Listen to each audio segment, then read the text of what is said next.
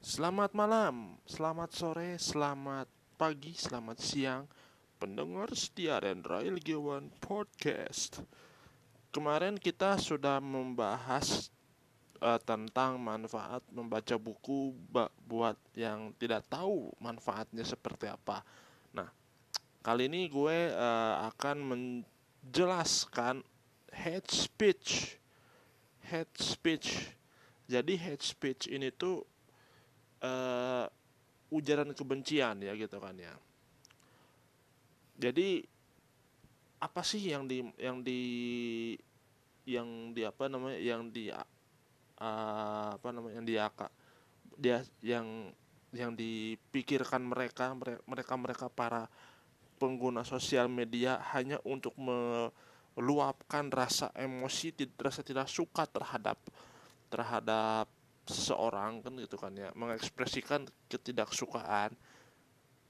Ya ini memang me memang memang betul memang benar gitu kan kalau kalau di internet itu kan kita bisa bersosial media dengan sebebas mungkin. Tetapi kan di sini kan tetapi kan ad, ada batasan-batasan tertentu gitu kan. Kayak misalkan kalau dulu kan di podcast gue sebelumnya kan gue uh, sudah menjelaskan tentang kita beretika dalam sosial media itu seperti apa. Nah ini, nah ini mungkin bisa jadi adalah kelanjutan dari uh, episode season sebelumnya gitu kan ya.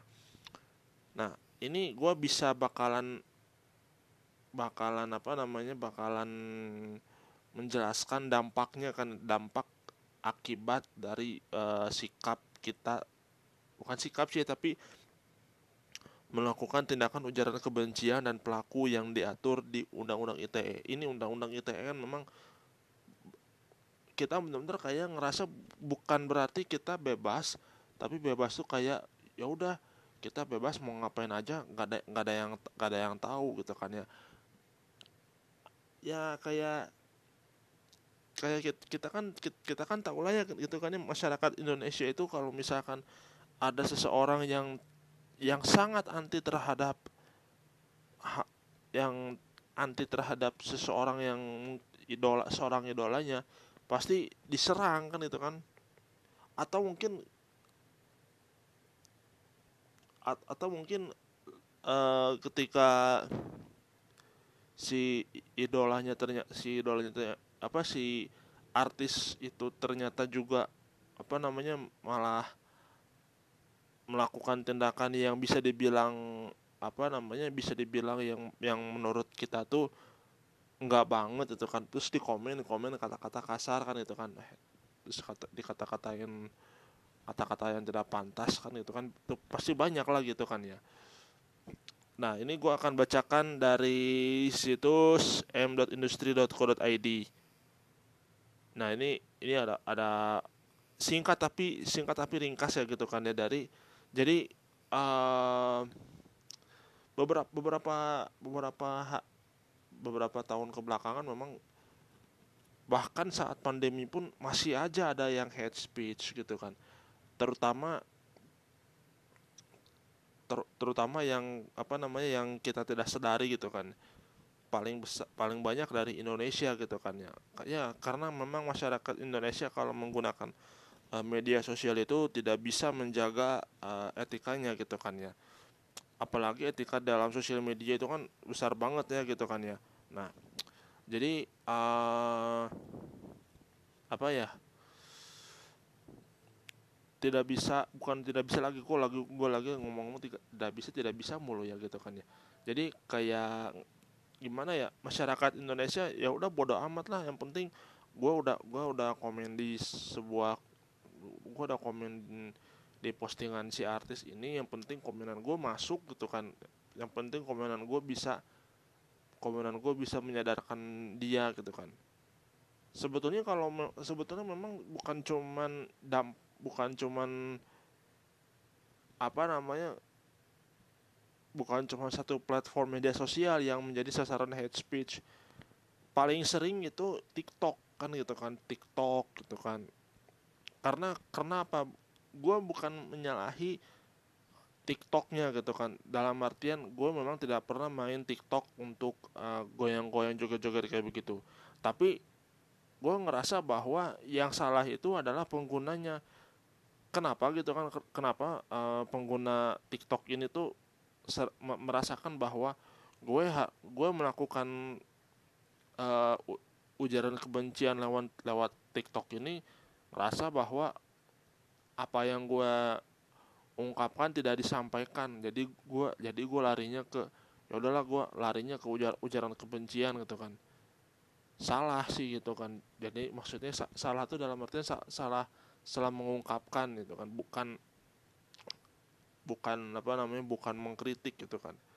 Kritik sama hinaan tuh beda gitu kan. Kalau kritik itu berarti sifatnya sifatnya membangun gitu kan tapi kalau hina menghina atau hate speech atau ujaran ujaran kebencian itu pasti jat, pasti jatuhnya pasti jatuhnya bukan bukan membangun tapi tapi lebih ke ya bisa dibilang ke pelecehan bisa pencemaran nama baik gitu kan. Nah kita masih ingat kan kasus uh, apa namanya kasus ujaran kebencian terhadap Pak Presiden Joko Widodo di TikTok kan gitu kan ya. Terus terus juga waktu di Bandung kalau nggak salah tuh di daerah Pajagalan kan ada anak TikTok yang yang mengatakan bahwa masjid itu masjid itu lebih lebih sering nyetel lagu TikTok daripada Al-Qur'an. Padahal itu padahal dia sendiri si pengguna TikTok itu sendiri yang mengedit masjid itu sampai bereaksi ke mana-mana sampai ke sampai ke A Irfan.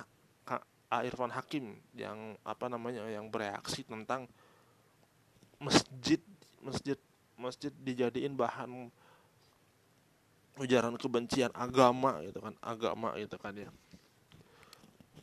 Padahal sensitif juga loh kalau misalkan agama tuh dibuat dibuat candaan terus dijadiin konten ujaran kebencian itu paling paling paling dilarang paling sensitif. Hati-hati gitu kan ya ini gue akan jelasin uh, penjelasannya ya penjelasan dari si artikel dari mindustry.co.id ini di tengah masifnya penggunaan internet dengan segala dampak positif yang memudahkan kehidupan manusia terdapat pula berbagai efek negatifnya seperti tindakan kejahatan, penipuan, transaksi narkoba, terorisme, eksploitasi seksual anak online, dan ujaran kebencian. Nah, selain ujaran kebencian tuh ya kayak eksploitasi anak online itu kan jualan-jualan uh, human trafficking itu kan transaksi narkoba dan yang paling sering selain ujaran kebencian itu juga ada penipuan. Penipuannya banyak banget, berkedok lowongan kerja, berkedok hadiah dari Shopee. Ini ini enggak gua nonton gua kemarin nonton channelnya Uung Komedi loh. Serius dia dia dia dikirimin kayak dikirimin SMS WhatsApp dari dari nomor yang gak dikenal ngakunya dari pihak e-commerce dari pihak Shopee. Gitu kan. Terus apa namanya di chat dong sama di chat dong gitu kan sama u sama uungnya gitu kan di chat nih berapa panjang lebar. Ternyata anjing disuruh dikirimin foto-foto yang gak senonoh. Bangsat gak tuh bangsat kan emang. Ini ini ini penipuan kayak gini tuh bukan cuman bukan cuman satu orang. Banyak banget yang ngerasa bahwa apa namanya yang ngerasa bahwa uh, dia dia ditipu ditipu oleh uh, apa namanya dampak ditipu oleh berbagai SMS SMS blast gitu kan dari e-commerce itu kan. Padahal pihak e-commerce sendiri sudah mengatakan bahwa tidak pernah mengirimkan SMS mengatasnamakan baik dari Shopee, baik dari Lazada, Tokopedia segala macam.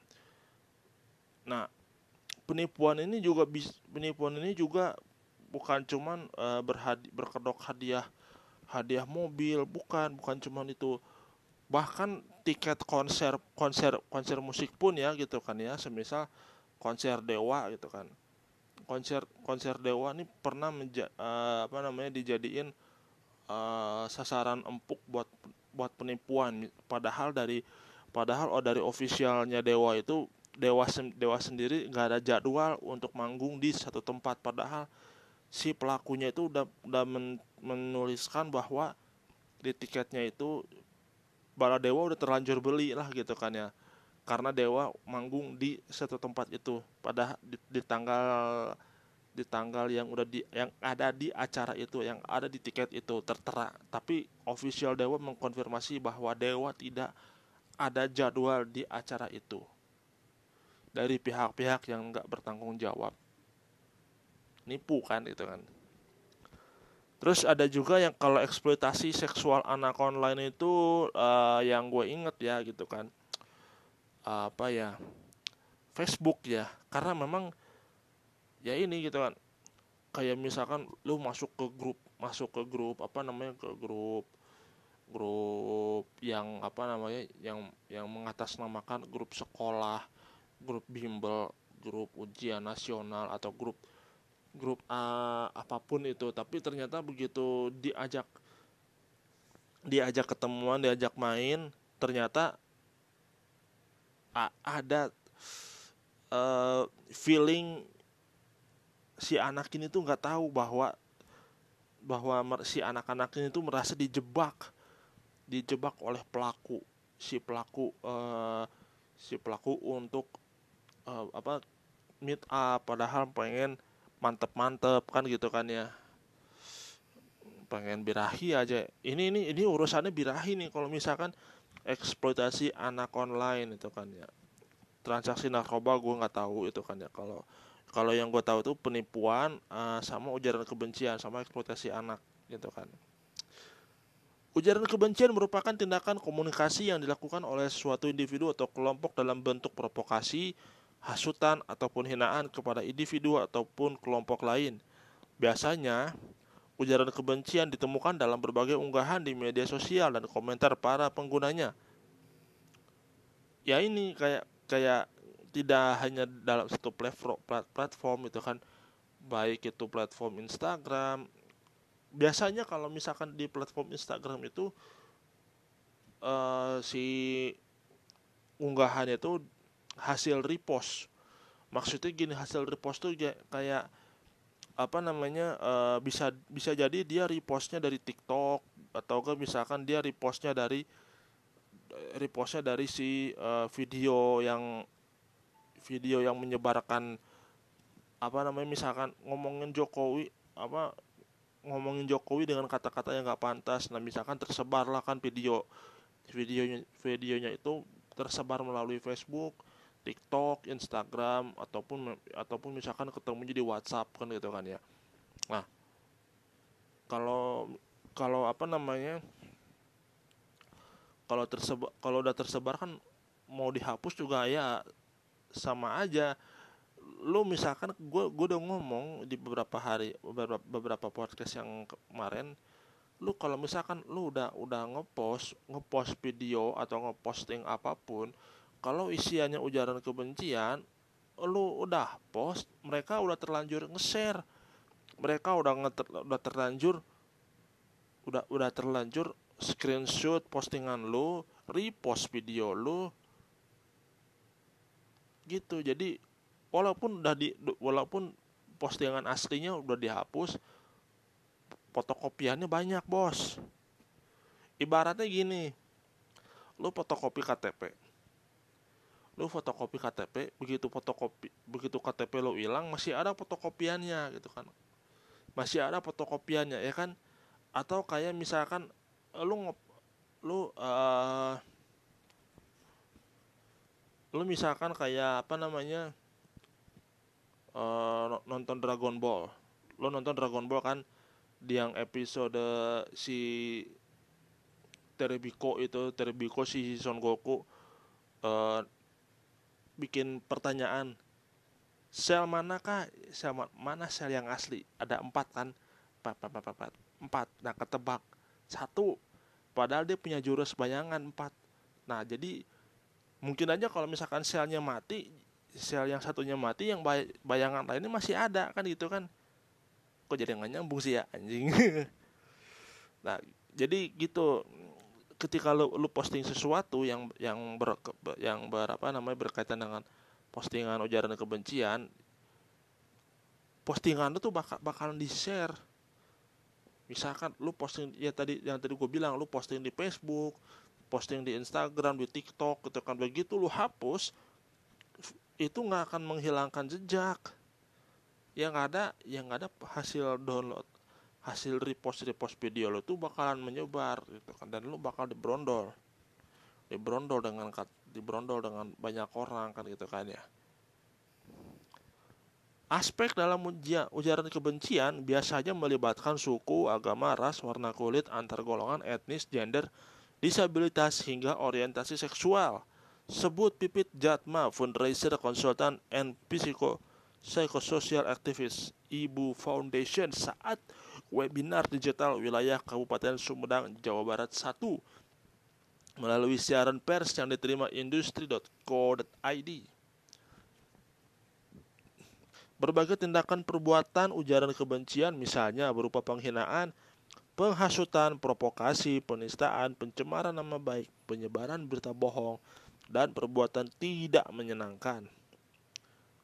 Nah, kayak kalau misalkan penghasutan itu kita juga banyak lah gitu kan ya. Banyak ya uh, para selebritis selebritis yang merasa bahwa yang merasa bahwa dia dia di, di, dia dihasut oleh seseorang. Padahal kalau memang dia dihasut sama seseorang mungkin seorang yang menghasut si selebriti itu bakalan kena kasus pasal ujaran kebencian gitu kan. Sebetulnya memang kita kita juga bisa mawas diri terhadap konten-konten yang bakal kita share gitu kan. Kita mesti saring dulu lah gitu kan. Ya itu attitude kita itu attitude kita di sosial media itu sangat buruk sekali. Di pod, di podcast gue sebelumnya gue gue kan ngomong bahwa Indonesia itu masuk jajaran uh, pengguna internet yang tidak ramah tidak sopan tidak sopan. Kemarin aja kan kemarin aja waktu pemain bola uh, Mes Hilger sama Kevin Dix ketika ketika dia mereka belum siap main di timnas Indonesia langsung tuh diberondong dikata-katain dikasar dikata-katain di anjing goblogin ada yang bilang unfollow ah. Ya maksud maksudnya gue gini dia dia nggak mau dia bukan nggak mau main di timnas tapi mereka tuh mereka tuh mikir-mikir dulu. Mikir-mikir dulu uh, apa namanya kesiapannya kayak gimana. Bukan berarti bukan berarti gini. Bukan berarti dia dia mikir-mikir seolah-olah dia nggak mau main di timnas enggak. Pastinya tuh jawabannya tuh pak jawaban yang gue suka itu adalah restu orang tua. Kalau orang tua kagak ngerestuin tuh ya nggak bisa restu orang tua tuh lebih lebih baik gitu kan. Itu doa doa orang tua. Lu lu hujat bangsat gitu. Kayak kayak dihasut pemainnya mah santai-santai aja kitanya doang yang barbar main komen-komen gitu kan ya.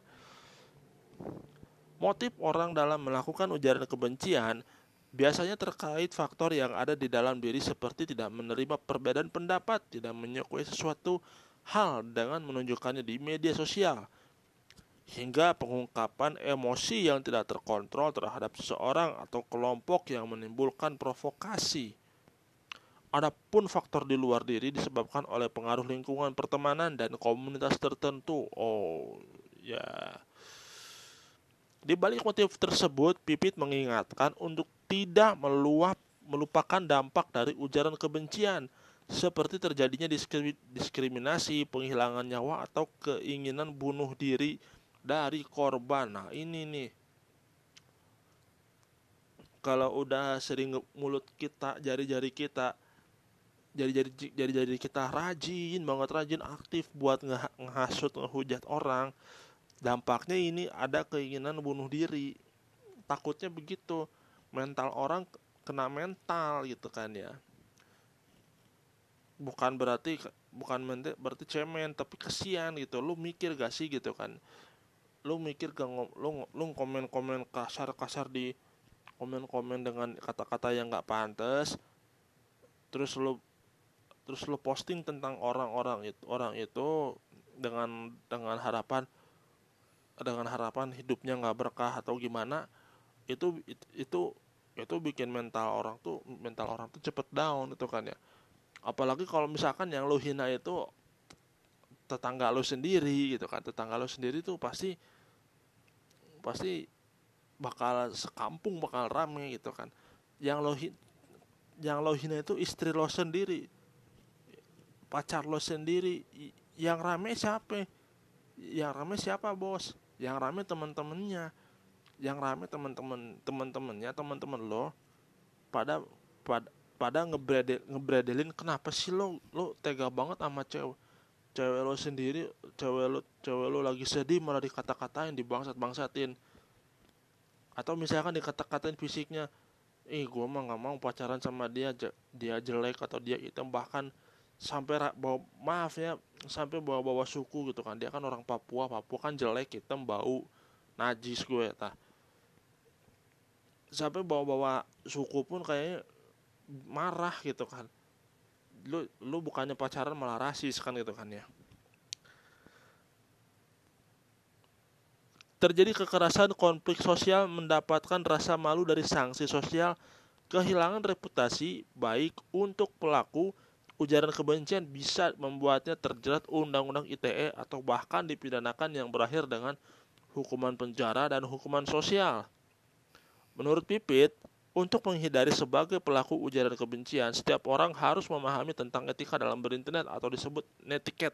Nah ini netiket tuh net, kayak gua kayak gua kemarin di podcast gue yang etika dalam internet gitu kan ber, bermedia sosial. Kar, karena ya ini tak sering gua tadi yang gua omongin Indonesia itu masuk jajaran pengguna internet yang gak ramah malu kan nah. Seperti mengingat keberadaan orang lain taat pada standar perilaku seperti halnya di dunia nyata. Berpikir dulu sebelum komentar gunakan bahasa yang sopan santun menggunakan media sosial untuk berbah berbagi, berbagi ilmu menghormati privasi orang. Jang, jangan menyalahkan kekuasaan dan maafkan orang lain yang membuat kesalahan. Nah ini. Salah satu kenapa gue kalau misalkan ada yang ngehina gue gue maafin atau ketika gue ngehina orang gue minta maaf. Ini yang gue suka nih dari artikel kayak gini nih. Mantap nih.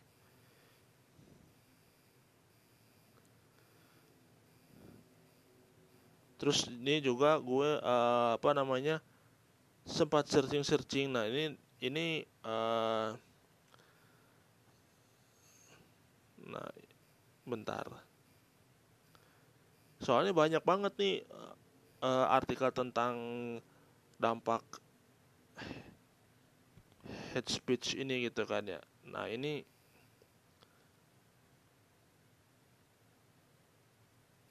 Nah, ini tahun 2017 ya gue baca ini. Dampak hate speech bisa buat gak nyaman dan negara pecah. Wow, kacau nih kan.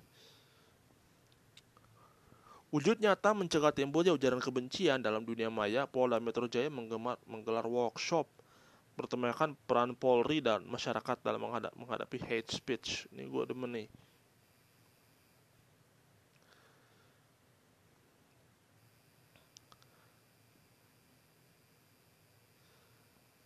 Ini yang gue garis bawahi ya. Ada beberapa perlu yang diperhatikan apakah itu masuk dalam kategori hate speech atau tidak. Ini maksudnya kayak uh, konten kebencian yang disebar di medsos kan gitu kan ya. Ini yang gue suka nih. Sekalipun ada unsur penghinaan intensitas waktunya tidak terstruktur. Namun ujaran kebencian itu ada ajakan untuk menghasut membenci dan diskriminasi. Kalau sudah begitu maka argumentasi HAM harus dibatasi.